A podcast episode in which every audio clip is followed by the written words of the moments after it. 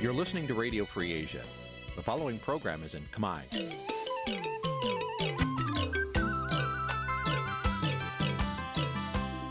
Nǐ chi càm bi tiệp xáy vệt chiu a zì sáy. នេះជាកម្មវិធីផ្សាយរបស់ Vithu Azisari ជាភាសាខ្មែរ វត្តឈូអាស៊ីសេរីសូមស្វាគមន៍លោកអ្នកនាងទាំងអស់ពីរដ្ឋធានី Washington នៃសហរដ្ឋអាមេរិក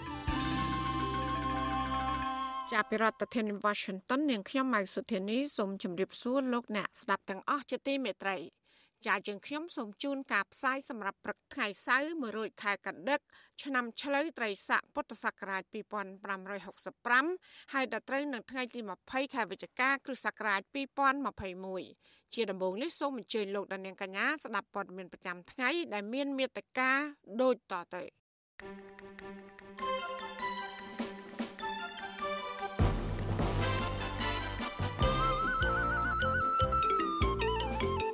ណាងរាជសភាអឺរ៉ុបស្នើឲ្យការបោះឆ្នោតនៅកម្ពុជាធ្វើឡើងតាមគោលការណ៍សកល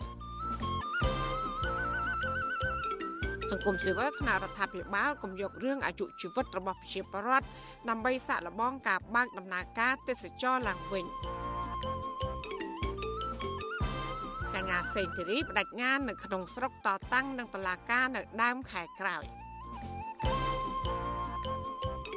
កសិករត្រៀមលក្ខណៈដាំដុះក្នុងរដូវរំហើយឬរដូវប្រាំងរួមនឹងព័ត៌មានផ្សេងផ្សេងៗមួយចំនួនទៀតជាបន្តទៅទៀតនេះនាងខ្ញុំម៉ៃសុធានីសូមជូនព័ត៌មានទាំងនោះពឺស្ដាប់ លោកអ្នកនាងជាទីមេត្រីអនុប្រធានគណៈបកសង្គ្រោះជាតិអ្នកស្រីមូសុខហួរបានជួបប្រជុំជាមួយនឹងមន្ត្រីសភាអឺរ៉ុបដើម្បីតាមដាននិងរំលឹកឡើងវិញ នៅសេចក្តីសម្រេច25ចំណុចស្តីពីបញ្ហាប្រជាធិបតេយ្យនិងសិទ្ធិមនុស្សនៅកម្ពុជា ដែលសភាអឺរ៉ុបបានអនុម័តកាលពីដើមឆ្នាំ2021អ្នកខ្លំមើលសង្គមជឿថាបេសកកម្មនេះនឹងជំរុញឲ្យមានដំណោះស្រាយនយោបាយនៅកម្ពុជា ពីរដ្ឋធានី Washington លោកសេកបណ្ឌិតរាយការណ៍ព័ត៌មាននេះអនុប្រធានគណៈបកសង្គ្រោះជាតិអ្នកស្រីមូសុហួរកំពុងបំពេញបេសកកម្មការទូតរយៈពេល6ថ្ងៃចាប់ពីថ្ងៃទី17ដល់ថ្ងៃទី22វិច្ឆិកានៅសភាអឺរ៉ុបដែលស្ថិតនៅទីក្រុង Brussels ប្រទេសបែលហ្សិកក្នុងដំណើរទស្សនកិច្ចនេះអ្នកស្រីមូសុហួរនិងតំណាងគណៈបកសង្គ្រោះជាតិមកពីប្រទេសបារាំងកញ្ញាលឹមកនិកាព្រមទាំងតំណាងនៅប្រទេសបែលហ្សិក លោកហុកឈៀងអាន បានជួបប្រជុំជាមួយសមាជិកសភាអឺរ៉ុបជាច្រើនរូបដូចជាអ្នកស្រីស្វែនហាហាន់អនុប្រធានចលនាសេរីនិយមអន្តរជាតិលោកអ៊ីមែលខឺជើសប្រធានគណៈកម្មាធិការកិច្ចការច្បាប់របស់សភាអឺរ៉ុបលោកអាទ្រីអានវ៉ាហ្គាសឡាសារ៉ារួមទាំងសមាជិកសភាអឺរ៉ុបមួយចំនួនទៀត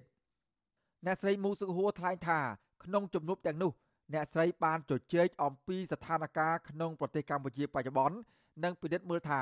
តើសេចក្តីសម្រេចទាំង25ចំណុចដែលសភាអឺរ៉ុបបានអនុម័តកាលពីខែមីនាឆ្នាំ2021ដើម្បីទាមទារឲ្យរដ្ឋាភិបាលកម្ពុជា ស្ដារលទ្ធិប្រជាធិបតេយ្យនិងសិទ្ធិមនុស្សនោះ បានអនុវត្តនិងមានលទ្ធផលកម្រិតណាដែរអនុប្រធានគណៈបកសង្គ្រោះជាតិរូបនេះបានជម្រាបដល់សមាជិកសភាអឺរ៉ុបថា ស្ថានភាពប្រជាធិបតេយ្យនិងសិទ្ធិមនុស្សក្នុងប្រទេសកម្ពុជា នៅតែអាក្រក់ដដែលនិងជំរុញឲ្យសហភាពអឺរ៉ុប ដាក់សម្ពាធបន្ថែមទៀតដើម្បីឲ្យរដ្ឋាភិបាលកែលម្អឡើងវិញជាបន្ទាន់គណៈការបោះឆ្នោតកាន់តែខិតជិតចូលមកដល់ខ្ញុំនិយាយអ្វីដែលពាក់ព័ន្ធទៅលើការពិតគឺការចាប់ចងសកម្មជនយើងចាប់ចងសកម្មជនសិទ្ធិមនុស្សបរិស្ថានលក្ខណៈឡាព្រមទាំងករណីរបស់លោកកឹមសុខានៅដដែលទេអត់ទៅណាមកណាទេហើយនឹងយើងខ្ញុំនៅតែទទួលនៅទនកម្មតាមផ្លូវតុលាការ ហើយសមាជិកសភាអឺរ៉ុបនោះគេឃើញថាស្ថានភាពនេះជាការពិតពីព្រោះគេតាមដានដែរស្ថានភាពនេះចិត្តមនុស្សធ្ងន់ធ្ងរណាស់ហើយជាពិសេសយឹងអំពីចិត្តបោះឆ្នោតឆ្នាំ2022ផងហើយគេនឹងសួរទៅគណៈកម្មការនៃសហគមន៍អឺរ៉ុបពីការអនុវត្តដូចជាការដក EBA 20%លក្ខណៈតើមានប្រសិទ្ធភាពយ៉ាងម៉េចកាលពីខែមីនាកន្លងទៅសភាអឺរ៉ុបបានអនុម័តសេចក្តីសម្រេច25ចំណុច ថ្កោលទោសអំពើរំលោភសិទ្ធិមនុស្សនិងការធ្លាក់ចុះដុនដាបនៃលទ្ធិប្រជាធិបតេយ្យនៅកម្ពុជា ចំណុចទាំងនោះមានដូចជា ការទៀមទាឲ្យអាជ្ញាធរកម្ពុជាលុបចោលសាលក្រមសម្រាប់កាត់ទោសមន្ត្រីជាន់ខ្ពស់គណៈបកប្រឆាំងដោះលែងនិងទម្លាក់ចោលបទចោតប្រឆាំងនឹងសកម្មជនគណៈបកសង្គ្រោះជាតិដោយឥតលក្ខខណ្ឌព្រមទាំងទៀមទាឲ្យគណៈបកសង្គ្រោះជាតិរស់ឡើងវិញជាដើមសភាអឺរ៉ុប ក៏បានជំរុញឲ្យក្រមប្រឹក្សាអឺរ៉ុបអនុម័តវិធានការរដ្ឋបិទនានាប្រឆាំងនឹងក្រមមេដឹកនាំនយោបាយនិងកងកម្លាំងប្រដាប់អាវុធនៅកម្ពុជា ដែលទទួលខុសត្រូវចំពោះអំពើរំលោភសិទ្ធិមនុស្សធ្ងន់ធ្ងរចំពោះការរំលាយគណៈបកសង្គ្រោះជាតិនិងចាត់វិធានការប្រឆាំងនឹងផលប្រយោជន៍ផ្នែកសេដ្ឋកិច្ចរបស់មន្ត្រីទាំងនោះដោយប្រើច្បាប់ដាក់ទណ្ឌកម្មជាសកលរបស់សហភាពអឺរ៉ុបប្រឆាំងនឹងអំពើរំលោភសិទ្ធិមនុស្សឆ្លើយតបនឹងរឿងនេះ ប្រធានអង្គភិបអ្នកណែនាំពាក្យរដ្ឋាភិបាលលោកផៃស៊ីផាន លើកឡើងថាដំណើរទស្សនកិច្ចរបស់អ្នកស្រីមូសុហួរទៅជួបមន្ត្រីសភាអឺរ៉ុបគឺជារឿងផ្ទាល់ខ្លួនរបស់គាត់ដូច្នេះលោកគ្មានអ្វីឆ្លើយតបនោះទេទោះយ៉ាងណា លោកបញ្ជាក់ថារដ្ឋាភិបាលក៏ខ្វាយខ្វល់ខ្លះដែរ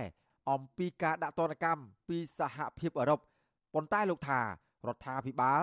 មិនអាចយកអធិបតេយ្យភាពជាតិទៅដោះដូរនឹងផលប្រយោជន៍អ្វីមួយនោះឡើយ។ ទី1កម្ពុជាមានរដ្ឋធម្មនុញ្ញខ្លួនឯងមានវិរដ្ឋាភិបាលមួយខ្លួនឯងវាមិនស្ថិតនៅក្នុងអាណានិគមរបស់ប្រទេសណាមួយទេទោះបីជោគជ័យមួយទៅគូលោកជំទាញទៅដល់ឋានសួគ៌តែពិបាកមកត្រួតត្រាគឺកម្ពុជាដែរអានឹងជាចំណាយរបស់ហើយរឿងទាំងអស់នោះបាទទម្លាក់បត់ចាត់ប្រកាន់ហើយទម្លាក់រឿងអីហ្នឹងអានឹងជារឿងរបស់តុលាការតែខាងរដ្ឋាភិបាលមិនអាចទម្លាន់បានទេ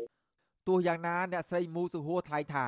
ចំណាត់ការ និងការទៀមទារបស់សហភាពអឺរ៉ុបកន្លងមក គឺជារឿងត្រឹមត្រូវដើម្បីចូលរួមស្វែងរកដំណោះស្រាយវិបត្តិនយោបាយនៅកម្ពុជាតើរដ្ឋាភិបាលលោកហ៊ុនសែនអាចរស់ដោយខ្លួនឯងទេឬមួយក៏នៅតែរំពឹងតែជំនួយរបស់ចិនអាហ្នឹងយើងត្រូវគិតគ្នាមែនទែនចំពោះយើងជាអ្នកប្រជាធិបតេយ្យយើងត្រូវការជំនួយពីប្រទេសជាធិបតេយ្យហើយជំនួយទាំងអស់នោះលក្ខខណ្ឌគីគឺសិទ្ធិមនុស្សគឺសិទ្ធិប្រជាធិបតេយ្យកាលពីខែសីហាឆ្នាំ2020 សហភាពអឺរ៉ុប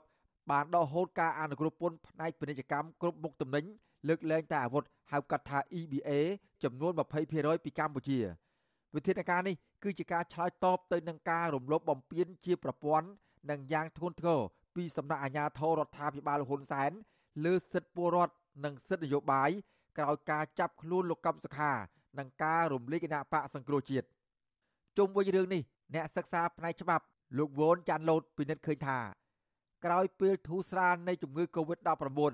ក្រមមេដឹកនាំគណៈបកប្រឆាំងបានចាប់ផ្ដើមសកម្មភាពការទូតខ្លាំងក្លាឡើងវិញ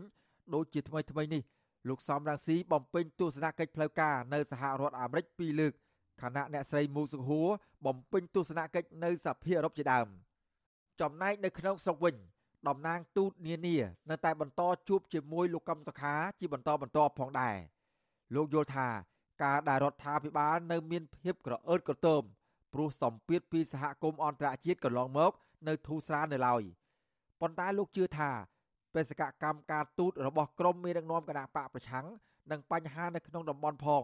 នឹងធ្វើឲ្យក្រមប្រទេសប្រជាធិបតេយ្យបង្កើនការដាក់ទណ្ឌកម្មបន្ថែមទៀតដើម្បីជំរុញឲ្យមានដំណោះស្រាយនយោបាយនៅកម្ពុជា។ បើកម្ពុជាគិតថាចិននឹងជួយកម្ពុជានឹងជួយគណៈបកប្រជាជនអាចគ្រប់គ្រងអំណាចឬក៏ប្រឈមមុខជាមួយនឹងប្រទេសសេរីខ្ញុំគិតថានេះជាការគិតមួយខុសហើយជាការដែលនាំកម្ពុជា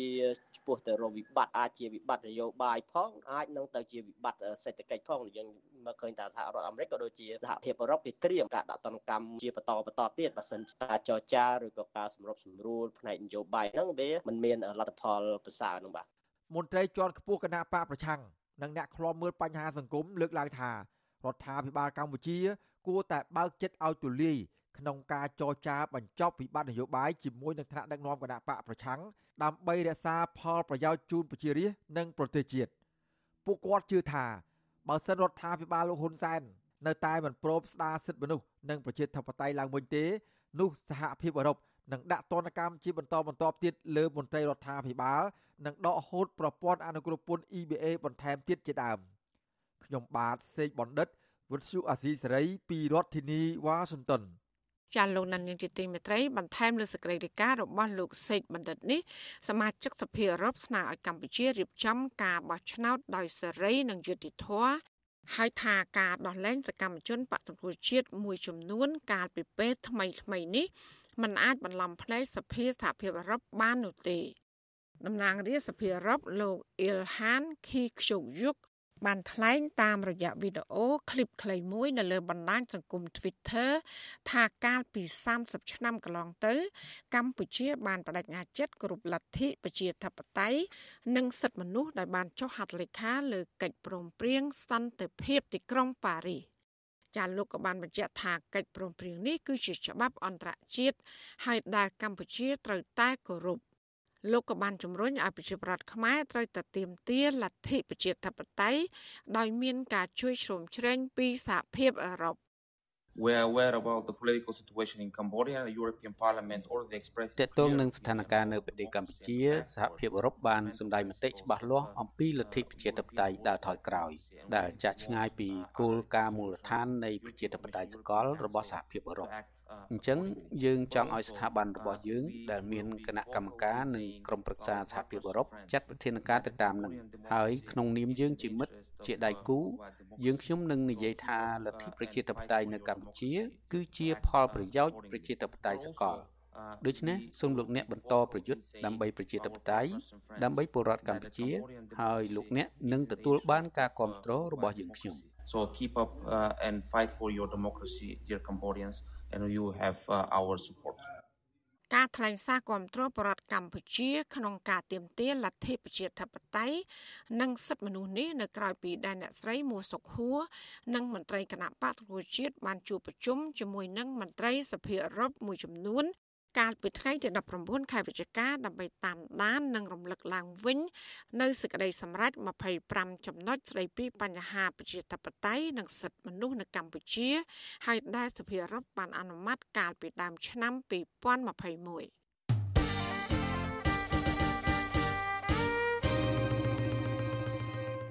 ចាលោកអ្នកស្ដាប់ជាទីមេត្រីអ្នកជំនាញខាងច្បាប់កញ្ញាសេងធារីត្រៀមខ្លួនចូលរួមសវនាការនៅថ្ងៃទី7ខែធ្នូខាងមុខក្នុងសំណុំរឿងរួមគំនិតក្បត់និងញុះញង់ពាក់ព័ន្ធនឹងដំណើរមាតុភូមិនិវត្តរបស់លោកសំរងស៊ី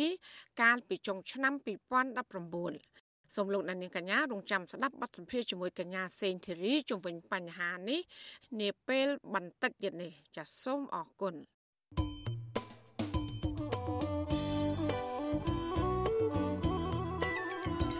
លោកអ្នកនាងកញ្ញាកំពុងស្ដាប់ការផ្សាយរបស់វិទ្យុអាស៊ីស្រីផ្សាយចេញពីរដ្ឋធានី Washington ជាវិទ្យុអាស៊ីស្រីផ្សាយតាមរលកធាតុអាកាសខ្លីឬ short wave តាមកម្រិតនិងកម្ពស់ដូចតទៅ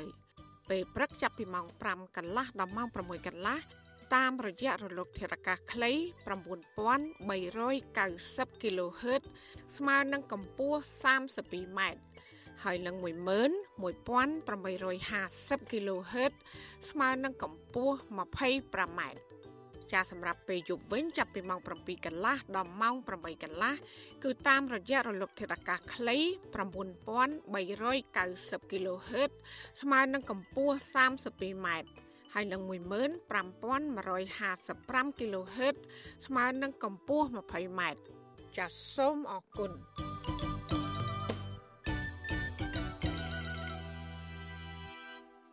លោកនាងជាទីមេត្រីស្ថាបនិកគណៈបកបេឡុងជាតិកំពុងរៀបចំបណ្ដឹងទៅតុលាការកំពូលករណីក្រសួងមហាផ្ទៃមិនយល់ព្រមចុះបញ្ជីផ្លូវការឲ្យគណៈបកនេះធ្វើសកម្មភាពនយោបាយមន្ត្រីសង្គមស៊ីវិលសង្កេតឃើញថាក្រសួងមហាផ្ទៃរដ្ឋបិទលើគណៈបកនេះខ្លាំងជាងគណៈបកផ្សេងផ្សេងទៀតចាលោកទីនសាការីយ៉ារាយការណ៍ព័ត៌មាននេះគណៈបកបៃដងជាតិនឹងដាក់ពាក្យប្តឹងទៅតុលាការកំពូលនៅសប្តាហ៍ក្រោយ បើក្រសួងមហាផ្ទៃនៅតែមិនព្រមចុះបញ្ជីទទួលស្គាល់គណៈបកនេះជាផ្លូវការទៀតនោះស្ថាបនិកគណៈបកបៃដងជាតិលោកសៀមផ្លុកប្រាប់វិទ្យុអស៊ីសេរីថាពេលនេះក្រុមការងារគណៈបករបស់លោកកំពុងតែពិគ្រោះយោបល់និងរៀបចំឯកសារដើម្បីដាក់ពាក្យប្តឹងទៅតុលាការលោកលើកឡើងថាការស្វែងរកយុត្តិធម៌តាមផ្លូវតុលាការនេះលោកហាក់មានសង្ឃឹមតិចតួចណាស់ត្បិតលោកយល់ថាសំណុំរឿងនេះបង្កប់ដោយចេតនានយោបាយ លោកយល់ថាបើគ្មានដំណោះស្រាយតាមផ្លូវនយោបាយទេប្រហែលជាមិនអាចរកដំណោះស្រាយតាមប្រព័ន្ធតុលាការបានឡើយក្រសួងមហាផ្ទៃបានសម្រេចមិនចុះបញ្ជីឲ្យគណៈបកបៃដងជាតិក្រោមហេតុផលថាមានកំហុសពាក់ព័ន្ធនឹងស្នាមមេដៃអ្នកគាំទ្រគណៈបកនេះរដ្ឋមន្ត្រីក្រសួងមហាផ្ទៃលោកសខេងលើកឡើងនៅក្នុងលិខិតដែលចោទថាស្នាមមេដៃបកគល20នាក់ខុសពីស្នាមមេដៃនៅក្នុងអត្តសញ្ញាណប័ណ្ណនិង20នាក់ផ្សេងទៀតផ្តិតលើឈ្មោះបកគល54នាក់ហើយបកគល74នាក់ មានភាពមិនប្រក្រតីឬខ្លាញ់ស្នាមមេដៃលិខិតចុះកាលពីថ្ងៃទី8ខែវិច្ឆិការបស់ក្រសួងមហាផ្ទៃចោទប្រកាន់ទៀតថាស្នាមមេដៃបកគលចិត្ត300នាក់ខូចគុណភាពមិនអាចធ្វើកសលវិច័យបានរួមទាំងស្នាមមេដៃមិនប្រក្រតីធ្ងន់ធ្ងរចំនួន5នាក់ផ្ដិតលើឈ្មោះបកគលចំនួន21នាក់ទៀតបន្ថែមពីលើនេះក្រសួងមហាផ្ទៃក៏ប្រកាសប្តឹងស្ថាបនិកគណៈបកបៃដងជាតិទៅតុលាការពាក់ព័ន្ធនឹងរឿងស្នាមមេដៃនេះដែរទោះជាយ៉ាងណាស្ថាបនិកគណៈបកបៃដងជាតិលោកសៀមភ្លុក ប្រាប់ថាគិតមកដល់ថ្ងៃទី19វិច្ឆិកាលោកមិនទាន់ទទួលបានដីកាពីតុលាការជំវិញនឹងរឿងនេះទេលោកអះអាងថាបើមានបណ្ដឹងមែននោះគណៈបកលោកក៏ត្រៀមតតាំងតាមនីតិវិធីដែរ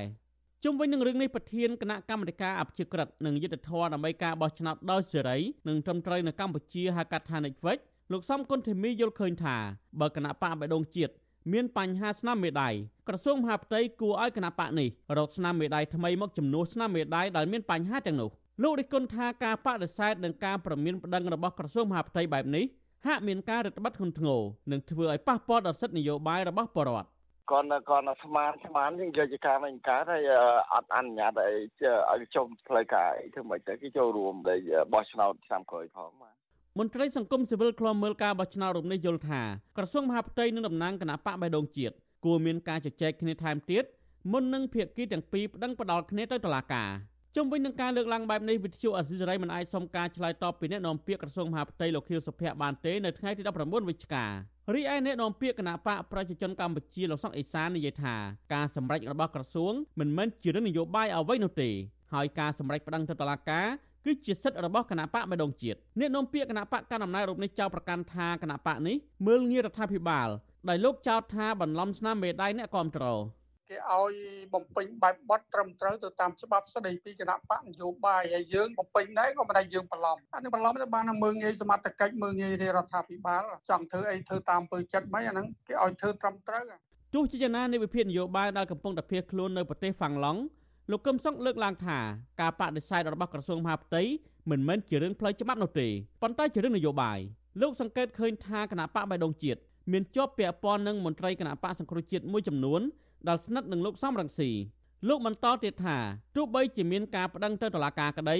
ក៏រដ្ឋាភិបាលលោកហ៊ុនសែនទំនងជាមិនអនុញ្ញាតឲ្យគណៈបកបៃដងជាតិអាចចូលរួមការប្រកួតប្រជែងនៅក្នុងការបោះឆ្នោតបានទេគេរៀងខ្ទប់ជាមុនហើយគណៈបកប្រជាជនកម្ពុជាលោកហ៊ុនសែននឹងមិនមែនធ្វើលេងលេងទេនៅក្នុងការរំលាយគណៈបកសង្គ្រោះជាតិនិងបិទសិទ្ធិរបស់មេដឹកនាំគណៈបកសង្គ្រោះជាតិមិនឲ្យធ្វើនយោបាយហ្នឹងគឺគេធ្វើមែនទែនហើយធ្វើដោយម៉ត់ ចត់ធ្វើដោយគ្រាន់តែឃើញដង្ហើមណាមួយឲ្យចេញជាសញ្ញានៃសង្គ្រោះជាតិគឺគេខ្ទប់ទាំងអស់គណៈបកបៃដងជាតិជាគណៈបកមួយក្នុងចំណោមគណៈបកនយោបាយទាំង7ដែលកើតចេញពីគណៈបកសង្គ្រោះជាតិប៉ុន្តែគណៈបកនេះតែងតែត្រូវក្រសួងមហាផ្ទៃកែតម្រូវបំពេញពាក្យស្នើសុំម្ដងហើយម្ដងទៀតរហូតដល់ចុងក្រោយនេះមានការបដិសេធមិនចុះបញ្ជីជាផ្លូវការហើយក្រសួងមហាផ្ទៃប្រកាសប្តឹងស្ថាបនិកគណៈបកនេះទៀតផង ទោះជាយ៉ាងណាស្ថាបនិកគណៈបកបេះដូងជាតិលោកសៀមភ្លុកនៅតែមានក្តីសង្ឃឹមថាគណៈបកកណ្ដាលអំណាចនឹងពិចារណាសម្របសម្រួលផ្លាស់ប្តូរចំហនៃការសម្រេចចិត្តឡើងវិញតាមរយៈសេចក្តីសម្រេចនៃតុលាការកំពូលគឺអនុញ្ញាតឲ្យគណៈបកបេះដូងជាតិអាចធ្វើសកម្មភាពនយោបាយបានខ្ញុំទីនសាការីយ៉ាអសិសរីប្រធានីវ៉ាស៊ីនតោន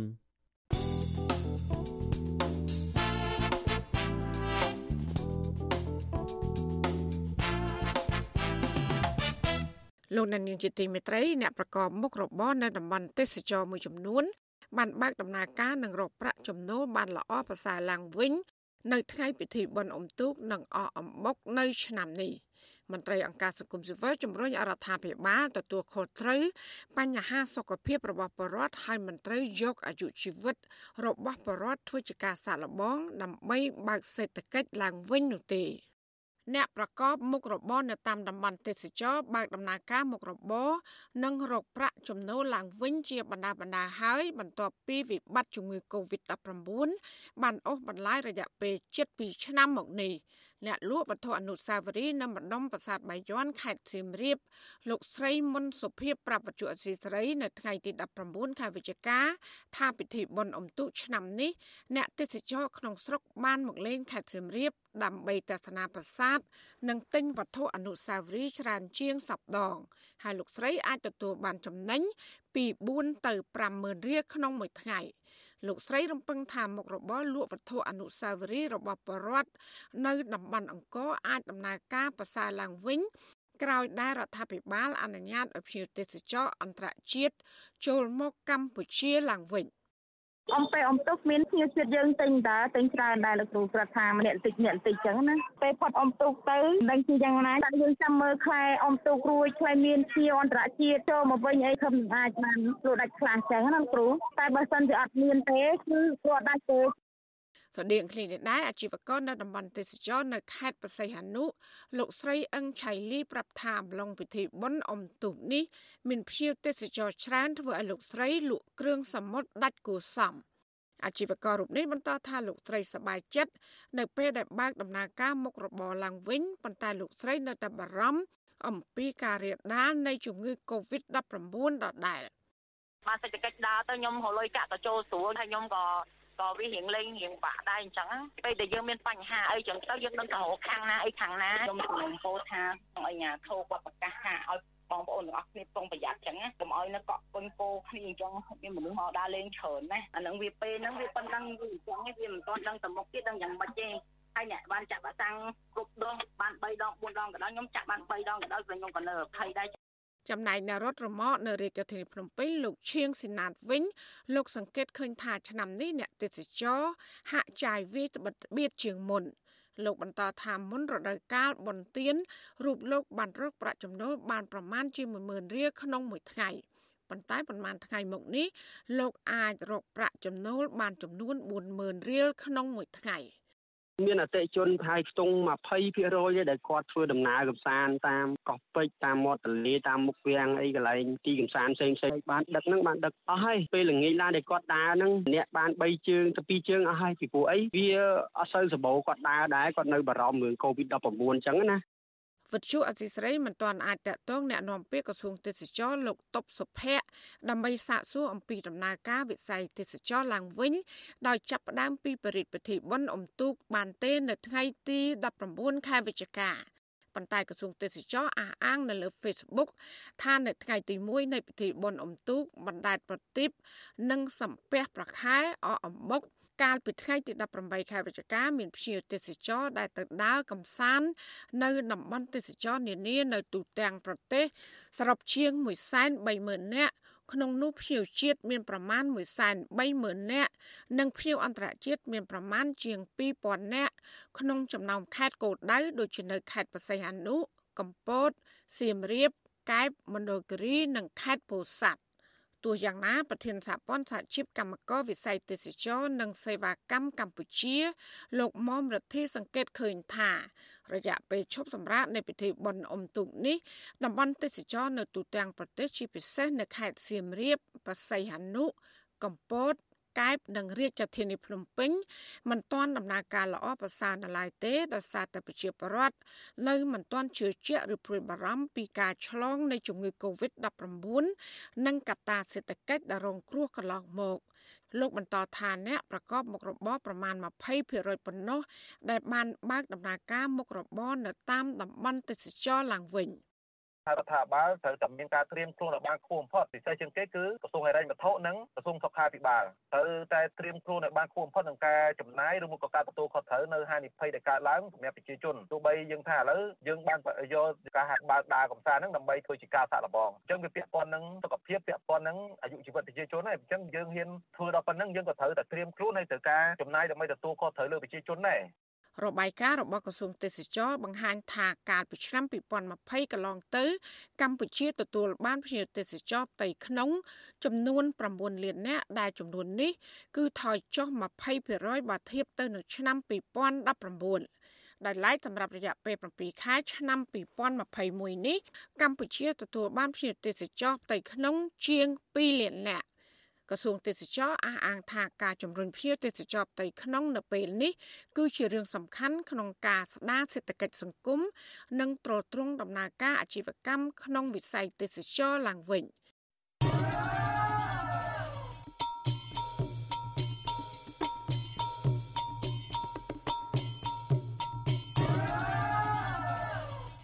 លោកអ្នកស្ដាប់ជាទីមេត្រីពាក់ព័ន្ធនឹងករណីស្លាប់ដោយសារជំងឺ Covid-19 វិញគឺបានកើនឡើងដល់ជិត2900នាក់ក្រោយពីមានអ្នកជំងឺ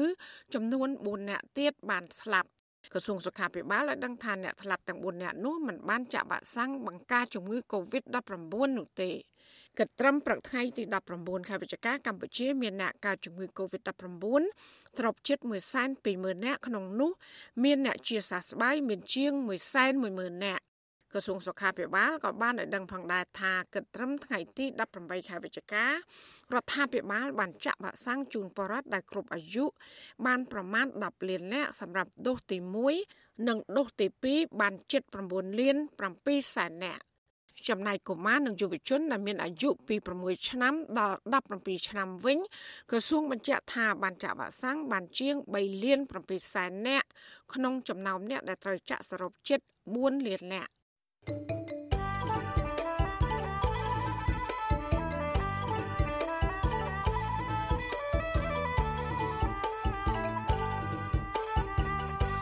លោកអ្នកស្ដាប់ជទីមេត្រីម្ដាយក្មេងស្រីម្នាក់ដែលរងទរណកម្មពីក្រុមលោកទេពហ៊ុយ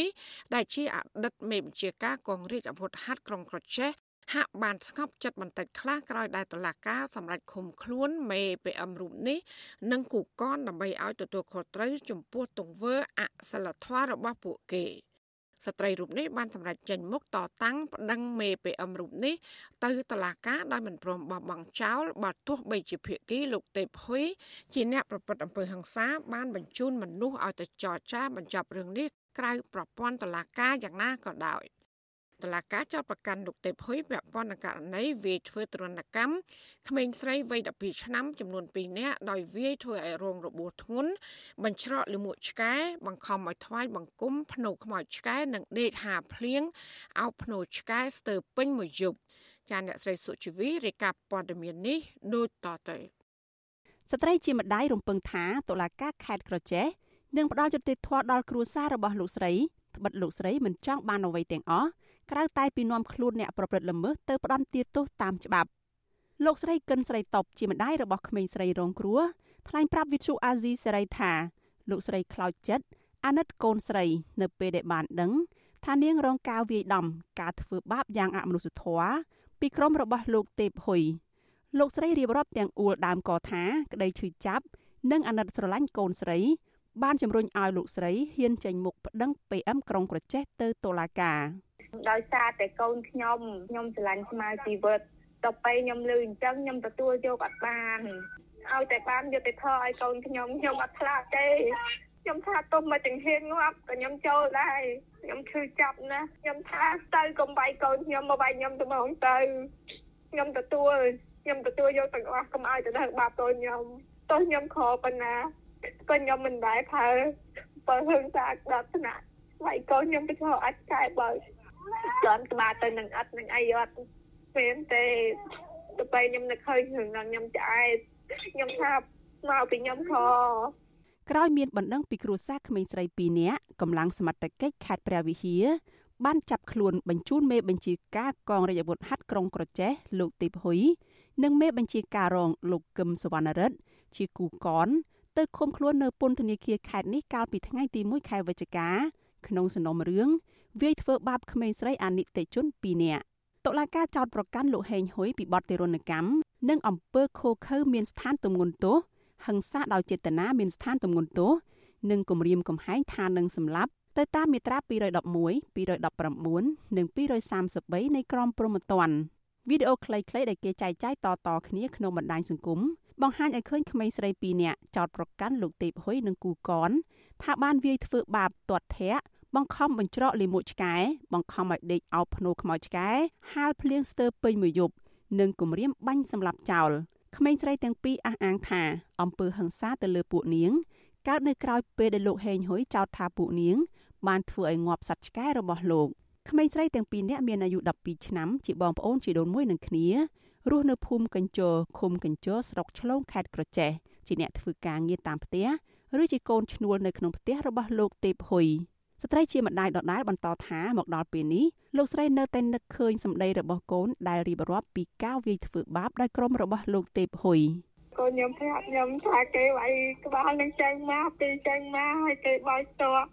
ហើយគេឲ្យដេកហាភ្លៀងដេកឲ្យខ្មោចខ្នោខ្មោចឆ្កែហើយគេទៅឆក់ថាហើយនឹងខ្ញុំគាត់ទៅលើភ្លៀងខ្ញុំចាញ់ស្គួតអមខ្ញុំថែអត់ចាញ់ទេខ្ញុំឲ្យទៅនឹកឃើញរឿងកូនខ្ញុំពីអត់ឆ្កែ ខ្ញុំទៅតែឆ្លើយយកខ្ញុំនឹកឃើញតែកូនខ្ញុំមានទឹកអាយុ12ឆ្នាំហ្នឹងកូនខ្ញុំប៉ុន្តែខ្ញុំមកចេះឋានទិញជួញនៅកូនខ្ញុំពីរចុះស្មមមកគេវាយដំចាំទៀតដល់ទៅ2 3នាក់គឺឃើញរឿងហ្នឹងខ្ញុំខ្លោចចិត្តណាស់លោកស្រីគិនស្រីតបរំលឹកថាជីវភាពក្រីក្រពេកស្របពេលដែលមានវិបត្តិជំងឺ Covid-19 នៅពេលដែលកូនស្រីមិនអាចទៅសាលារៀនបានផងកូនស្រីរបស់លោកស្រីបានបង្ខំចិត្តទៅធ្វើការនៅផ្ទះលោកទេពហ៊ុយអូថ្ងៃខ្ញុំយកកូនខ្ញុំទៅហ្នឹងខ្ញុំនិយាយមួយប្រពន្ធគាត់ហើយប្រពន្ធគាត់ហ្នឹងក៏ចោទចំនួនមកសួរខ្ញុំថាអឺបងបើកូនបងអញធ្វើខុសខ្ញុំអាចបដែបដៅអឺមាត់ថាបន្តិចបន្តួចចេះបចោតិចតួចអីបានអត់ខ្ញុំថាបងមកត្រឹមពាក្យសម្ដី បងឯងថាចាស់មាត់ចាស់ខ្ញុំអត់ខឹងទេប៉ុន្តែខ្ញុំសុំតែម្យ៉ាងគាត់កុំប្រើអំពើហិង្សាមកលើកូនខ្ញុំកុំវាយដំចាំធាក់កូនខ្ញុំប្រពន្ធលោកទេភុយហ្នឹងក៏គាត់និយាយថាអឺអូអត់ទេបងគ្រួសារខ្ញុំគ្រួសារកាន់ធរកាន់អាអត់អ្នកប្រើអំពើហិង្សាទេហើយខ្ញុំក៏មានភាពកក់ក្ដៅដែរដែលបានគេនិយាយអញ្ចឹងគ្រួសាររបស់លោកស្រីស្រីតបកាន់បានក្រីក្រកម្រិត1និងមិនមានមុខរបរច្បាស់លាស់ទេ ជាទូទៅ លោកស្រីនិងប្តីតែងតែទៅស៊ីឈ្នួលជាជ័រកៅស៊ូដាំដំឡូងដកដំឡូងកាប់ឆ្កាព្រៃធ្វើជាងសំណង់និងការងារប្រើកម្លាំងផ្សេងផ្សេងទៀតឲ្យតែមានអ្នកជួល បន្ថែមលើជីវភាពក្រីក្រ គ្រួសារនេះជំពាក់បំណុលរាប់ពាន់ដុល្លារទៀតទាំងបំណុលស្ថាប័នមីក្រូហិរញ្ញវត្ថុនិងអ្នកចងការប្រាក់ឯកជនក្នុងដំណាក់កាលវិបត្តិជំងឺ Covid-19 គ្រួសារនេះបានប្រាក់ឧបត្ថម្ភប្រមាណ30ម៉ឺនរៀលនៅក្នុងមួយខែ ប៉ុន្តែប្រាក់ទាំងនោះមិនបានប្រើប្រាស់សម្រាប់ផ្គត់ផ្គង់តម្រូវការប្រចាំថ្ងៃទេ គឺបានត្រឹមតែបង្គ្រប់ប្រាក់សម្រាប់សងបំណុលស្ត្រីក្រីក្រមិនចេះអក្សរនិងមានកូន6នាក់នៅក្នុងបន្ទុករូបនេះអំពាវនាវដល់ស្ត្រីជាម្ដាយនិងស្ត្រីទូទៅឲ្យក្លាហានចេញមុខតតាំងករណីអំពើហិង្សាឬអំពើអយុត្តិធម៌ខ្ញុំយល់ថាខ្ញុំគួរតែហ៊ានប្រឈមមុខគួរតែចេញរយុត្តិធម៌ឲ្យកូនអត់ត្រូវនៅសងំស្ងៀមចង់គេធ្វើបាបកូនមិនក៏គាត់ហ៊ាននឹងគេព្រោះដើម្បីយុត្តិធម៌កូនយើងអ៊ំអ្នកគ្រប់គ្រងអ្នកធ្វើការតាមផ្ទះអ្នកស្រីវុនសំភ័រកោតសរសើរសេចក្តីក្លាហានរបស់លោកស្រីគិនស្រីតបដែលហ៊ានតតាំងដើម្បីយុត្តិធម៌សម្រាប់កូនស្រីទោះបីដឹងថាត្រូវប្រឈមមុខនឹងអ្នកមានប្រាក់មានអំណាចអ្នកស្រីថានេះជាជ្រុងតូចមួយនៃអំពើហិង្សាឬការរំលោភបំពានស្ត្រីនិងក្មេងស្រី នៅក្នុងវិស័យការងារតាមផ្ទះ គាត់ជាគំរូសម្រាប់ក្មេងស្រីឬក៏កម្មករធ្វើការតាមផ្ទះដទៃទៀតដែលហ៊ានក្រោកឈរហ៊ាននិយាយអំពីបញ្ហាពួកគាត់តម្រាំតែគាត់ផ្ទុះចេញនៅបញ្ហានេះមិនដឹងថាគាត់មានរឿងអីនៅពីក្រោយនឹងទៀតទេតម្រាំគាត់ហ៊ានទៅចេញចំណែកនាយករងទទួលបន្ទុកសិទ្ធិមនុស្សនៃអង្គការសិទ្ធិមនុស្សលីកាដូលោកអំសំអាតមានប្រសាសន៍ថាស្ថានភាពគ្រួសាររបស់លោកស្រីគិនស្រីតបនេះឆ្លុះបង្ហាញពីពលរដ្ឋជាច្រើនផ្សេងទៀតដែលជួបការលំបាកខ្លាំងក្នុងជីវភាព និងភាពប្រថុយប្រថាន បញ្ជូនកុមារទៅរកការងារធ្វើដែលប្រឈមនឹងគ្រោះថ្នាក់និងត្រូវបោះបង់ការសិក្សាលោកបន្តថារដ្ឋាភិបាលត្រូវធានាការពារក្មេងស្រីពីអំពើហិង្សា និងការបៀតបៀនទាំងឡាយទីពីរបើសិនជាមានការរំលោភបំពានអានឹងត្រូវតែមានការអនុវត្តតាមផ្លូវច្បាប់ណាបាទឲ្យបានតឹងរឹង តកតោះនឹងការអនុវត្តច្បាប់នេះអ្នកនាំពាក្យអគ្គស្នងការនគរបាលជាតិលោកឆៃគឹមខឿនធ្លាប់បញ្ជាក់ប្រាប់វិទ្យុអាស៊ីសេរីថាសមត្ថកិច្ចតែងចាត់ទុកករណីអំពើហិង្សាលើស្ត្រី ជាសំណុំរឿងអតិភិបនិងមិនលើកលែងទៅដល់អ្នកប្រព្រឹត្តល្មើសឡើយបើទោះជាយ៉ាងណាអ្នកការពារសិទ្ធិមនុស្សនិងការពារសិទ្ធិស្ត្រីនិងក្មេងស្រីធ្វើការងារនៅតាមផ្ទះនៅតែអះអាងថាករណីអយុត្តិធម៌ជាច្រើនតាក់ទងនឹងអំពើហិង្សា ការបំពានរាងកាយនិងផ្លូវភេទប្រព្រឹត្តដោយអ្នកមានអំណាច មានប្រាក់មានឥទ្ធិពលនៅក្នុងសង្គមត្រូវអាជ្ញាធរមើលរំលង នៅពេលដែលជនរងគ្រោះស្ថិតនៅក្នុងភាពភ័យខ្លាចមិនហ៊ានចេញមុខតតាំងឬចេញមុខតតាំងដែរប៉ុន្តែអាជ្ញាធរសមត្ថកិច្ចទម្លាក់ចោលមិនបន្តនីតិវិធី ដើម្បីនាំយកអ្នកប្រព្រឹត្តល្មើសទៅទទួលទោសតាមច្បាប់ឡើយងាកមកគ្រួសាររបស់ក្មេងស្រីដែលត្រូវក្រុមលោកទេពហ៊ុយធ្វើបាបនេះវិញ លោកស្រីកិនស្រីតបដែលបាក់ស្បាតអះអាងថាលោកស្រីលែងហ៊ានឲ្យកូនទៅធ្វើការងារតាមផ្ទះទៀតហើយលោកស្រីកំពុងតាក់ទងសុំអង្គការសង្គមស៊ីវិលជួយឧបត្ថម្ភឲ្យកូនស្រី បានទៅរៀននៅតាមសាលារបស់អង្គការទាំងនោះដែលមានការឧបត្ថម្ភទាំងសម្ភារៈសិក្សានិងអាហារហូបចុកខខាងអង្គការស្នើទៅឲ្យគាត់ទៅរៀនអញ្ចឹងគាត់ថាគាត់ព្រមទៅពេលឥឡូវគាត់ថាគាត់អត់ចង់បែកពីខ្ញុំគាត់ខ្លាចគាត់ចង់នៅរៀនហ្នឹងលោកស្រីថា នឹងប្រឹងប្រែងឲ្យកូនបានទៅរៀនដើម្បីឲ្យកូនកូនបានចេះដឹងដោយសង្ឃឹមថាកូននឹងមានអនាគតល្អជាងពេលបច្ចុប្បន្ននេះនាងខ្ញុំសុជីវី With you Azizi Saray ពីរដ្ឋធានី Washington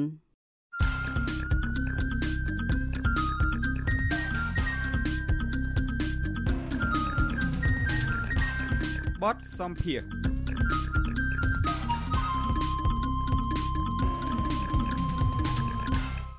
ចាលោកអ្នកស្ដាប់ទទីមេត្រីអ្នកជំនាញច្បាប់អន្តរជាតិ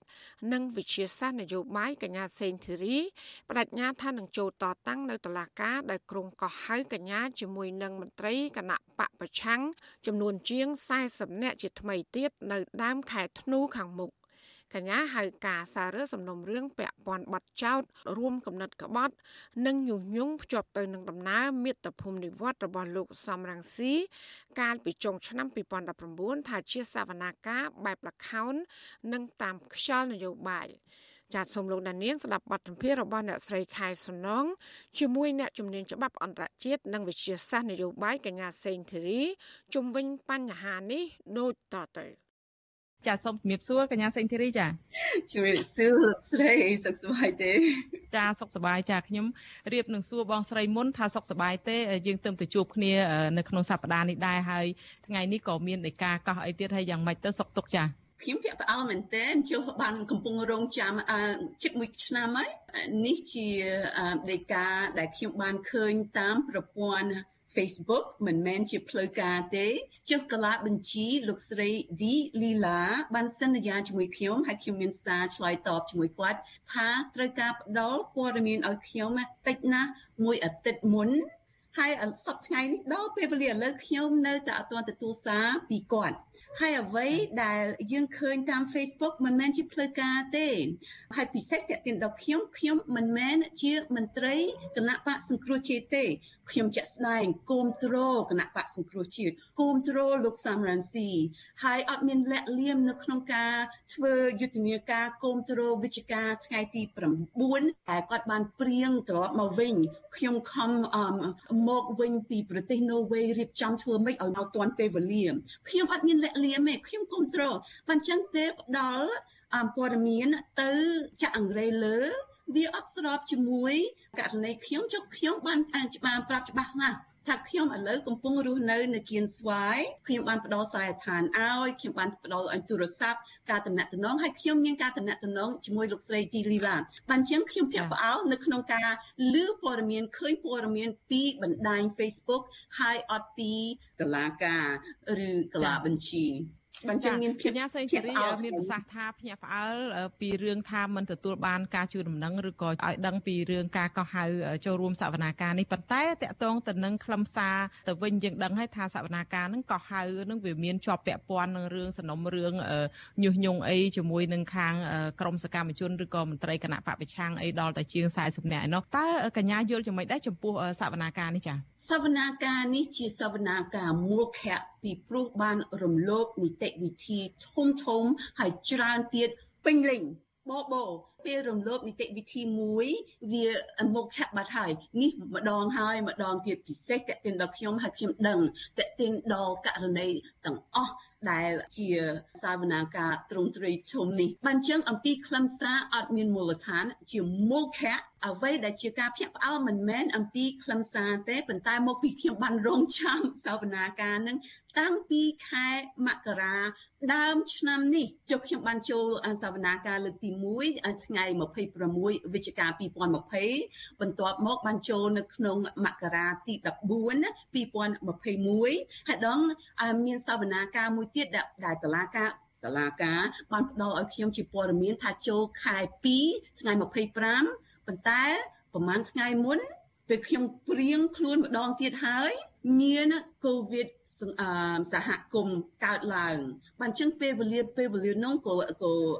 មានភាពសង្ស័យបន្តិចចូល ហើយវាតាក់ទាញដល់រឿងច្រើនហើយពេលខ្ញុំចូលម្ដងម្ដងខ្ញុំអត់ចូលស្ងាត់ស្ងៀមទេហើយពេលវេលាលើកនេះក៏ខ្ញុំអត់ចូលស្ងាត់ស្ងៀមដែរខ្ញុំនឹងចូលខ្ញុំអត់ទៅណាទេខ្ញុំនឹងឆ្លើយតបជាមួយលខោននយោបាយនេះហើយខ្ញុំនឹងសម្ដែងតាមអ្វីដែលគាត់បានរៀបចំឲ្យខ្ញុំប៉ុន្តែខ្ញុំនិយាយការពេចគាត់មាន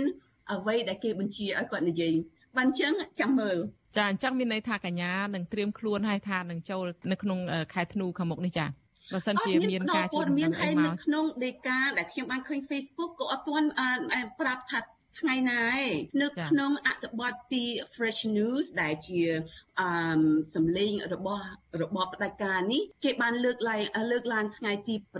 7ធ្នូហើយម្ដងទៀត គេបានលើកឡើងថ្ងៃទី9ធ្នូប៉ុន្តែចំពោះខ្ញុំខ្ញុំអត់ទាន់បានឃើញតាម Facebook ដែលមិនផ្លូវការចំពោះខ្ញុំអត់ទាន់បានឃើញច្បាស់លាស់ថាថ្ងៃណាទេបានចឹងថ្ងៃណាក៏ដោយចំពោះខ្ញុំខ្ញុំងាយស្រួលឆ្លើយតបណាស់ពីព្រោះជារឿងមោខៈពេលខ្ញុំចូលសម្ដែងនឹងខ្ញុំនិយាយការពិតអត់មានពិបាកអីទេហើយមេធាវីរបស់ខ្ញុំនៅ Washington DC លោក Jared Genzer ហើយក្រុមមេធាវីគាត់ខ្ញុំបានផ្ដល់សារទៅគាត់ថាខ្ញុំនឹងមានការពិគ្រោះយោបល់ជាមួយពួកគាត់ខ្ញុំបានផ្ដល់សារថែមទៀតឲ្យបណ្ដាញសហគមន៍អន្តរជាតិដឹងថាសូមតាមដាន ពីព្រោះរឿងនេះមិនមែនរឿងធម្មតាទេហើយអ្វីដែលកើតឡើងឥឡូវហ្នឹងដូចខ្ញុំថាជាទូទៅខែ11ហើយខែ12របបផ្ដាច់ការនេះគេរវល់ណាស់ចំពោះយើងដែលជាសកម្មជនសិទ្ធិមនុស្សដែលជាគណៈបកប្រឆាំង ពីព្រោះមានបុណ្យច្រើនហើយគេច្រើនតែលាក់អំពើខ្មៅងងឹតរបស់គេនឹងក្រោមអង្ការបុណ្យទានពីដែលគេកំពុងជួបក្រុមគ្រួសារនៅដោយសហរដ្ឋអាមេរិកបុណ្យ Christmas បុណ្យ Thanksgiving ចូលឆ្នាំថ្មីជាសកលគេយកពេលវេលានោះដឹងថាអត់សូវមានអ្នកណាគេចាប់អារម្មណ៍មកធ្វើទុកបុកម្នេញលើពួកយើងបានចឹងពេលវេលានៅក្នុងន័យមួយវាចាប់ផ្អើលពីព្រោះខ្ញុំបានរងចាំយូរប៉ុន្តែជារឿងដែលខ្ញុំបានព្រៀងខ្លួនស្រាប់ហើយករណីនេះវាអាចតេតិនទៅការឆ្លើយតបរបស់សហរដ្ឋអាមេរិកដែរហើយខ្ញុំមានសិនជាតិពីរខ្ញុំសិនជាតិអាមេរិកផងហើយជាសិនជាតិខ្មែរផងបានចឹងអង្គការប្រថុយប្រធានហើយសភាពការវាអាចមានការប្រែប្រួលចាំមើលប៉ុន្តែខ្ញុំអត់ទៅណាទេខ្ញុំដូចខ្ញុំថាខ្ញុំជាកូនព្រះជាម្ចាស់អមលោកហ៊ុនសែនមិនមែនជាម្ចាស់ជីវិតខ្ញុំទេព្រះជាម្ចាស់ជាជីវិតរបស់ខ្ញុំខ្ញុំនឹងឆ្លើយតបនៅក្នុងការនិយាយការពិត ចាអរគុណច្រើនកញ្ញាសេងធីរីមួយចំណុចទៀតឈ្មោះនៅក្នុងដីកាដែលផ្សព្វផ្សាយតាមបណ្ដាញសារព័ត៌មានដែលស្និទ្ធនឹងរដ្ឋាភិបាលហ្នឹងយើងឃើញដាក់ថាកញ្ញាសេងច័ន្ទធីរីអញ្ចឹងឈ្មោះហ្នឹងជាឈ្មោះរបស់កញ្ញាសេងធីរីហ្នឹងហើយចាសេងចន្ទធីរីអឺធម្មតាគេស្គាល់ខ្ញុំជាអឺពេលខ្ញុំនិយាយជាភាសាខ្មែរជាសេងធីរីប៉ុន្តែច័ន្ទជាឈ្មោះកណ្ដាលរបស់ខ្ញុំដូចជាភាសាអង់គ្លេសថា Thierry សេងឬ Thierry C C នឹងតំណាងឲ្យច័ន្ទ Thierry ច័ន្ទសេងត្រឡប់មកសេង ចន្ទធីរីហើយនឹងឲ្យមានជាឯកសារខ្ញុំមានជាឯកសារផ្លូវការអត្តសញ្ញាណប័ណ្ណខ្មែរផងហើយ passport ខ្មែររបស់ខ្ញុំដែលខ្ញុំធ្លាប់មានផងឥឡូវអត់ទាន់បាន renew ចាអរគុណច្រើនកញ្ញាបានបញ្ជាក់ដោយកញ្ញាបានមានប្រសាសន៍មុននឹងតិចថាដំណើរការសវនាការនេះបន្ទាប់ពីចូលបានម្ដងជាពីរដងហ្នឹងគឺថាបានរងចាំហ្នឹងដោយសារតែខាងតុលាការហ្នឹងលើកហេតុផលថាមានការរីករាលដាលនៃជំងឺ Covid-19 ក៏មិនទាន់បានទទួលមានដំណឹងអីស្រាប់តែថ្ងៃនេះឬមានដំណឹងមកអញ្ចឹងតើកញ្ញាមានការព្រួយបារម្ភទេចំពោះការប្រឈមអីនានាជំវិញបទចោតប្រកាន់នឹងដែលជាបទយើងឃើញថាប្រឈមបទញុះញង់បទអីនេះគឺមានការប្រឈមជាប់ពន្ធនាគារចំពោះកញ្ញាមានការបារម្ភយ៉ាងម៉េចទៅវិញទៅចា៎មានពីរ3ចំណុចដែលប្លែកទី1អឺនៅក្នុងការកោះឲ្យខ្ញុំចូលខែ2ដែលគេបានផ្អាកមកពី COVID ហ្នឹងគេបានប្រាប់ថាចូលសម្រាប់តែក្រុមតូចតូចទេមានតែ10នាក់12នាក់អីចុះគេបានបែងចែកករណី2ធំហ្នឹងជាក្រុមតូចតូចការនោះគេចង់ឲ្យទាញអារម្មណ៍អ្នកកសែតចុះពួកខ្ញុំបានទាញអារម្មណ៍អ្នកកសែតច្រើនពេលខ្ញុំចូលម្ដងម្ដងដូចខ្ញុំថាខ្ញុំមិនចូលនៅក្នុងភាពស្ងាត់ស្ងៀមទេបានអញ្ចឹងគេបានឯប្រាប់ឈ្មោះខ្ញុំហើយក្នុងចំណោមប្រហែលមនុស្ស10ទៅ12នាក់ខ្ញុំមានបញ្ជីនោះប៉ុន្តែឥឡូវគេប្រើរូបភាពធំវិញ42នាក់តែម្ដងហើយនៅក្នុងពេលវេលាដែលខ្ញុំគិតថានៅក្នុងការរៀបចំហ្នឹងដូចរៀបចំដូចចេញពីកំហឹងពីព្រោះវាអត់ស៊ីចង្វាក់លោកមុនក៏អត់ស៊ីចង្វាក់ដែរប៉ុន្តែឥឡូវនៅក្នុងរៀបចំដូចអញ្ញាអញ្ញាទី1គាត់អត់បាននៅក្នុងអ្វីដែលខ្ញុំបានឃើញតាមបណ្ដាញ Facebook អត់បានប្រាប់ថាសវនាការថ្ងៃណាជា fresh news ដែលនិយាយនៅក្នុងអត្ថបទហើយ fresh news នោះក៏និយាយច្រឡំដែរមុនត្បូងដាក់ថាថ្ងៃទី7បន្ទាប់មកដាក់ថ្ងៃទី9ចំពោះខ្ញុំពេលខ្ញុំឃើញចឹងធ្វើខ្ញុំចាប់អារម្មណ៍ថាអាពួកគាត់ធ្វើនេះនៅក្នុងពេលរហ័សហឹងឆ្លើយតបទៅអ្វីមួយហើយយើងដឹងហើយពេលវេលាឥឡូវកំពុងមានការជ្រួលច្បល់នៅក្នុងការវាយដាល់ នៅក្នុងការដោតផ្នែកទូតពីសហរដ្ឋអាមេរិកហើយអ្វីដែលគេកំពុងរឹបអូសយកអាគាររបស់លោកសំរ៉ាន់ស៊ីជាទីស្នាក់ការរបស់គណៈបកសង្គ្រោះជាតិផងនៅក្នុងពេលវេលាមួយហ្នឹងវាអាចតេតិនដល់នឹងអឺបានជឹងវាប្លែកឥឡូវគេប្រើរូបទ្រង់ទ្រីធំទៀតហើយលើកមុនគេបានបែងចែកទាញ3អ្នកម្ដង5អ្នកម្ដងចំពោះខ្ញុំដូច10អ្នកឬ12អ្នកម្ដងប៉ុន្តែគេផ្អាកទៅពីព្រោះអឺ នៅក្នុងពេលវេលាមួយវាតេតិនដល់សភាពការគេចុះរឿងនេះជាមិនរឿងមែនតែនជាតាមខ្យល់នយោបាយហើយឥឡូវខ្យល់នយោបាយកំពុងប្រែប្រួលបានចឹងការវែកញែករបស់ខ្ញុំក៏ផ្សេងពីមុនចុះលើកមុនគេចង់ឲ្យតែខ្ញុំដែងចេញពីប្រទេសទេខ្ញុំបានមីអាមីណាហើយគេទៅយល់ហើយខ្ញុំអត់ទៅណាទេចុះខ្ញុំដឹងតែខ្ញុំចេញពីកម្ពុជាគេអត់ឲ្យខ្ញុំត្រឡប់មកវិញទេហើយខ្ញុំដាច់ខាត អត់ចេញពីកម្ពុជាទេកញ្ញាសេរីត្រង់ចំណុចនេះកញ្ញាសវនាការនេះបើសិនជាមានការកោះហៅអញ្ចឹងជាផ្លូវការថ្ងៃ7ធ្នូខាងមុខនេះតើកញ្ញាដែលថាតឡាការដែលជាការរៀបចំតាមខ្យល់នយោបាយនោះតើកញ្ញានឹងត្រៀមខ្លួនយ៉ាងម៉េចធ្វើឲ្យតាមខ្យល់នយោបាយនោះចា៎ដូចខ្ញុំថាខ្ញុំអត់ទៅស្ងាត់ស្ងៀមទេហើយនេះមិនមែនតឡាការជាក់ស្ដែងទេជាលក្ខោនដែលមានរូបភាពតឡាការដែលបាននិពន្ធដោយអ្នកនយោបាយបញ្ជាឲ្យមន្ត្រីតឡាការដើរតួចំពោះខ្ញុំអត់មានអ្នកណាគេអាចបញ្ជាឲ្យខ្ញុំនិយាយលើសពីខុសពីការពិតទេបានចឹងខ្ញុំអត់ទៅស្ងាត់ស្ងៀមទេខ្ញុំនឹងរៀបចំតាមបណ្ដាញដែលខ្ញុំមានតាមឥទ្ធិពលដែលខ្ញុំមានតាមពួកម៉ាក់ខ្ញុំតាមស្ថាប័នសិទ្ធិមនុស្សនៅក្នុងស្រុកនៅក្រៅស្រុកចុះជារឿងនយោបាយហើយយើងត្រូវការប្រើឧបករណ៍នយោបាយជាការដាក់សម្ពាធតាមរបៀបដែលយើងមានហើយចំពោះខ្ញុំខ្ញុំមានពួកម៉ាក់ដែលមានឥទ្ធិពលខ្ញុំមានស្ថាប័នដែលគេគិតលើសពីករណីខ្ញុំចុះគេព្រួយអំពីលទ្ធិប្រជាធិបតេយ្យគេព្រួយអំពីវត្តមានចិនហើយខ្ញុំបូកសរុបសភាពការនឹងទៅហើយនឹងឆ្លើយតបតាមនឹងការប្រថុយប្រឋានវានៅក្នុងអវិមានហើយខ្ញុំដឹងចុះសភាពការវាផ្សេងមិនមែនខ្ញុំអត់យល់អំពីការគ្រោះថ្នាក់ទេប៉ុន្តែចុងក្រោយដូចខ្ញុំថាអត់មានអ្វីដែលគេធ្វើលើខ្ញុំដែលព្រះជាម្ចាស់អត់យល់អត់ដឹងហើយនឹងការពារបើគ្រោះថ្នាក់នឹងមានកើតអ្វីមួយល្អខ្ញុំអត់មានព្រួយបារម្ភអំពីជីវិតខ្ញុំពីព្រោះលោកហ៊ុនសែនមិនមែនជាជីវិតរបស់ខ្ញុំទេខ្ញុំសូមជូនពរគាត់មែនតើខ្ញុំសូមឲ្យគាត់សុខឲ្យក្រុមគ្រួសារអាសាគាត់សុខប៉ុន្តែសូមចេញចេញពីតំណែងពីព្រោះធ្វើឲ្យទាំងអស់គ្នាគ្រោះថ្នាក់ធ្វើឲ្យទាំងអស់គ្នាពលទាំងអស់គ្នាជាប្រទេសជាតិយើងជាប្រជាពលរដ្ឋក្នុងលានអ្នក បានចឹងខ្ញុំអត់មានតាណាទេបងប្អូនជួបគ្នានៅសាធារណៈមុខតឡាការពេលខ្ញុំចូលតឡាការនឹងមានរឿងតទៅទៀតបានចឹងសូមតាមដានខ្ញុំអត់តាណាចាអរគុណច្រើនកញ្ញាសេងធីរីដែលកញ្ញាបានចូលរួមផ្ដល់យោបល់និងសម្ភារបន្ថែមអំពីបញ្ហានេះចាបើសិនជាមានព័ត៌មានថ្មីយើងនឹងជួបគ្នាម្ដងទៀតចាសូមអរគុណនិងជំរាបលាកញ្ញាត្រឹមប៉ុណ្ណេះសិនចាសូមជម្រាបលា ចាំបាញ់មិញនេះលោកអ្នកនាងទៅបានស្ដាប់បទសម្ភាសរបស់អ្នកស្រីខែសំណងជាមួយអ្នកជំនាញច្បាប់អន្តរជាតិកញ្ញាសេងធីរី ដែលហៅការសាររើសំណុំរឿងពាក់ព័ន្ធបទចោតរួមកំណត់ក្បត់ និងញុះញង់ដោយភ្ជាប់ទៅនឹងដំណើរមាតុភូមិនិវត្តរបស់លោកសំរងស៊ីកាលពីចុងឆ្នាំ2019ថាជាសវនាការបែបលខោននិងតាមខ្យល់នយោបាយ thank you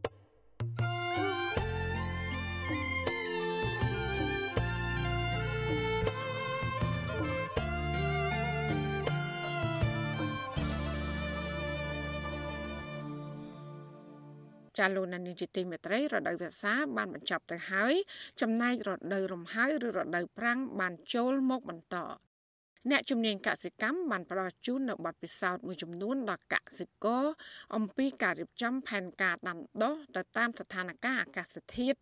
នៃរដូវកាលនីមួយៗ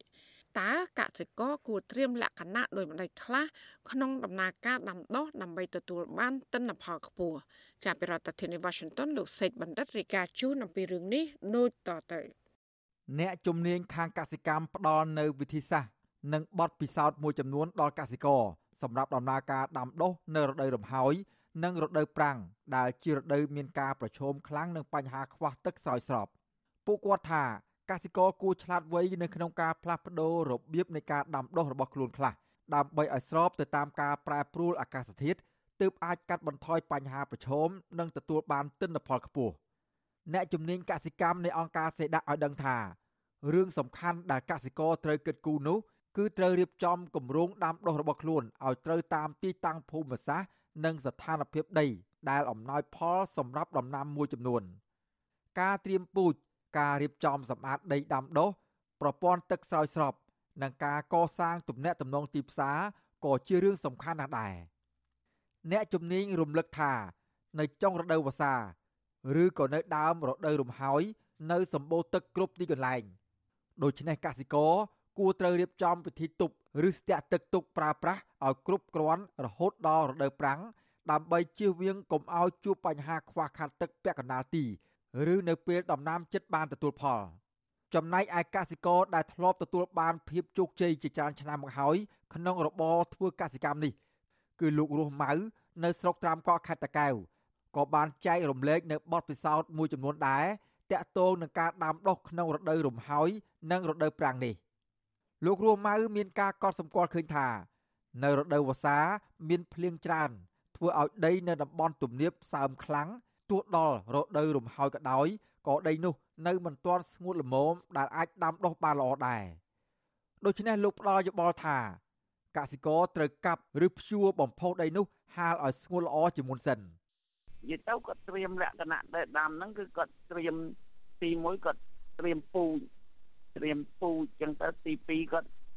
ត្រៀមដីដបោកត្រៀមអាចគោត្រៀមអីផ្សេងផ្សេងអឺ មួយទៀតគឺគាត់ជួដីហ្នឹងទុកមកឲ្យបានមួយសាទៅពីរសាដើម្បីដល់ខែមហើយហ្នឹងគឺពួកគាត់អាចដាំទៅដីវាអឺធូរហើយស្មៅក៏វាអត់ដុះទៀតចឹងពួកគាត់អាចគាត់កំពុងតែជួម្ដងទៅពីរដងដើម្បីសម្រាប់តែដាំនៅខែហើយហ្នឹងលោកបន្តថាចំពោះជីបំពន់តាមបែបធម្មជាតិក៏នឹងត្រូវរៀបចំទុកជាមុនដែរ ដូចជាដីដំបូកលាមកសัตว์និងស្លឹករុក្ខជាតិជាដើមបាទចឹងមួយទៀតគឺគាត់ធ្វើដីហ្នឹងឲ្យវាល្អដែរហើយគាត់អឺត្រៀមអាចគោដីដំបូកហ្នឹងឲ្យស្ងួតហើយគាត់ស្រក់បាវស្រក់អីទុកចឹងទៅហើយកាលណាដែលគាត់មិនត្រៀមចឹងអាចគូនៅស្រស់ឬមួយដីនៅសើមគាត់មិនអាចដាំបានទេអាសត្វបំផ្លាញហ្នឹងច្រើន ជាទូទៅរដូវរំហើយ មានរយៈពេលប្រមាណ3ខែ គឺចាប់ពីខែវិច្ឆិកានៃឆ្នាំចាស់រហូតដល់ខែមករានៃឆ្នាំបន្ទាប់ឬឆ្នាំថ្មី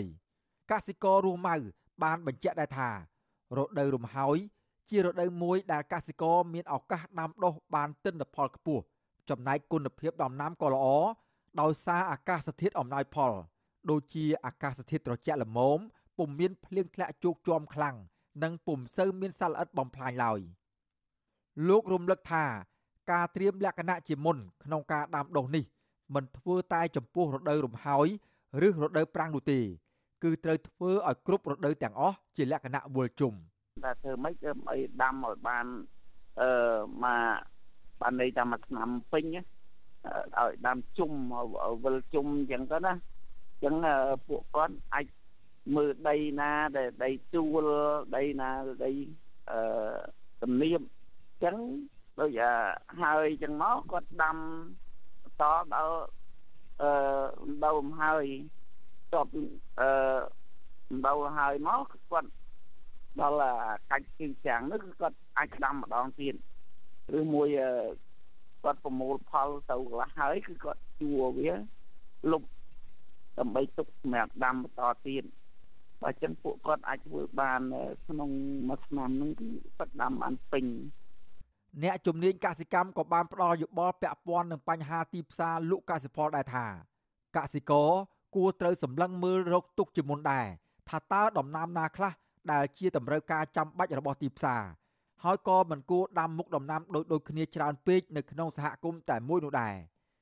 នាយិកាប្រតិបត្តិនៃមជ្ឈមណ្ឌលសិក្សានិងអភិវឌ្ឍកសិកម្មហៅកាត់ថាសេដាក់អ្នកស្រីតុងច័ន្ទធៀងមានប្រសាសន៍ថាការធ្វើផែនការឲ្យច្បាស់លាស់និងបច្ចេកទេសដាំដុះ ទៅតាមរដូវកាលនីមួយៗគឺជារឿងសំខាន់បច្ចេកទេសទាំងនោះមានដូចជាការរៀបចំដី ធ្វើថ្នាលដំណាំ ការដាក់ជីបំពន់ការជ្រើសរើសពូជឬការជ្រើសរើសប្រភេទដំណាំ ដែលធន់នឹងអាកាសធាតុតាមរដូវកាលនីមួយៗចាវាដោយវិសានិងរដូវប្រាំងការរៀបចំដីគឺមានលក្ខណៈខុសគ្នាព្រោះរដូវវិសាគឺមានភ្លៀងធ្លាក់ចោលហើយអញ្ចឹងបើសិនជាក្នុងករណីតំបន់គាត់ដីគាត់ទៀត ដីថាភ្លៀងដក់ទឹកដក់ពេលភ្លៀងធ្លាក់ចោលនោះវាទឹកដក់ហើយទឹកដក់ដំណាំគាត់តាមអត់បានផលទេព្រោះវាអាចអលួយហើយទីផ្សារគាត់ថានេះកំឡំទឹកអញ្ចឹងក្នុងការរៀបចំដីបើសិនជាករណីដីពិសេសគាត់ត្រូវលើករងឲ្យខ្ពស់លើករងខ្ពស់ពីបានន័យថាពេលទឹកភ្លៀងមកច្រើនវាអត់ជួមទឹកទេវាហូរស្រស់ទឹកបានលឿនហើយក្នុងតំបន់ខ្លះដែលថាគាត់ មិនអាចលើករងខ្ពស់បានទេព្រោះទឹកវាចំណីមែនទែនទឹកដក់ខ្លាំងហើយគាត់អាចស្នើស្នើដាក់ដាំបន្លែដាំអីបានព្រោះមានកសិករច្រើនដែរគាត់យកជំរើសនៃការធ្វើធ្នើនេះក្នុងការដាំបន្លែអឺបាននៃការដើរវិសាក៏គាត់ដាំបានដីប្រាំងក៏ដាំបានដែរលោកបណ្ឌិតយ៉ងសាងកុមារអ្នកជំនាញកសិកម្មធ្លាប់បានផ្ដល់យោបល់ដែរថាកសិករគួរនាំគ្នាដាំដំណាំនៅរដូវប្រាំងឲ្យបានច្រើន ដើម្បីធ្វើជាគម្របដី ជួយរក្សា បង្កើនជីជាតិដី និងមានបន្លែហូបចុកគ្រប់គ្រាន់ ជាពិសេសបង្កើនប្រាក់ចំណូលដល់ក្រុមគ្រួសារផងដែរលោកបន្តថា ការគ្រប់គ្រង និងរក្សាជីជាតិដីឲ្យបានល្អគឺជាភាពជោគជ័យដ៏ធំធេងរបស់កសិករក្នុងការបង្កើននូវទិន្នផលដំណាំ ដែលជាចំណែកមួយដ៏ធំសម្រាប់ជួយដល់សេដ្ឋកិច្ចគ្រួសារកសិករវិធីដាំដុះនៅរដូវប្រាំង នៅមានរបៀបជាច្រើនផ្សេងទៀតទៅតាមបទពិសោធន៍របស់កសិករនៅតាមតំបន់ផ្សេងផ្សេងគ្នាក៏ប៉ុន្តែអ្នកជំនាញបានផ្ដល់យោបល់ថា នៅទីណាក៏ដោយ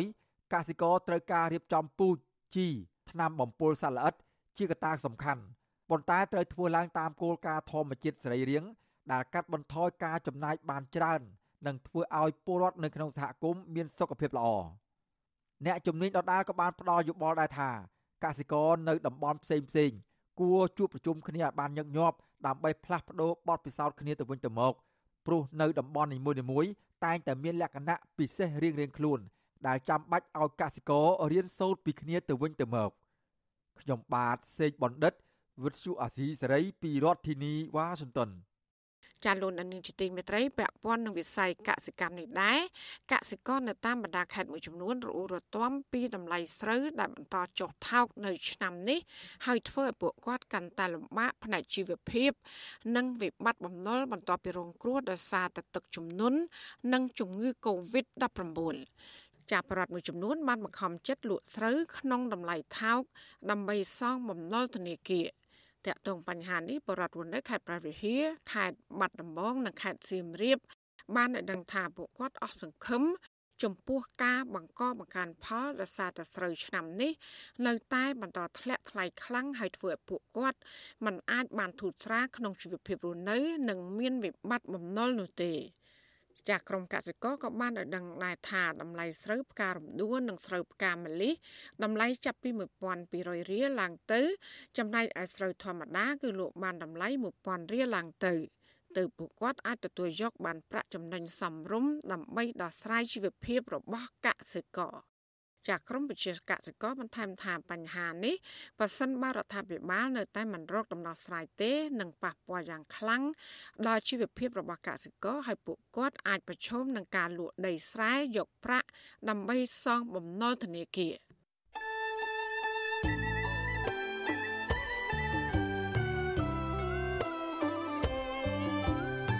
ចាលោកនាងកញ្ញាអ្នកស្ដាប់ជទីមេត្រីកັບផ្សាយរយៈពេល1ម៉ោងនៃវិទ្យុអាស៊ីស្រីជាភាសាខ្មែរនៅពេលនេះចាប់តែប៉ុណ្ណេះ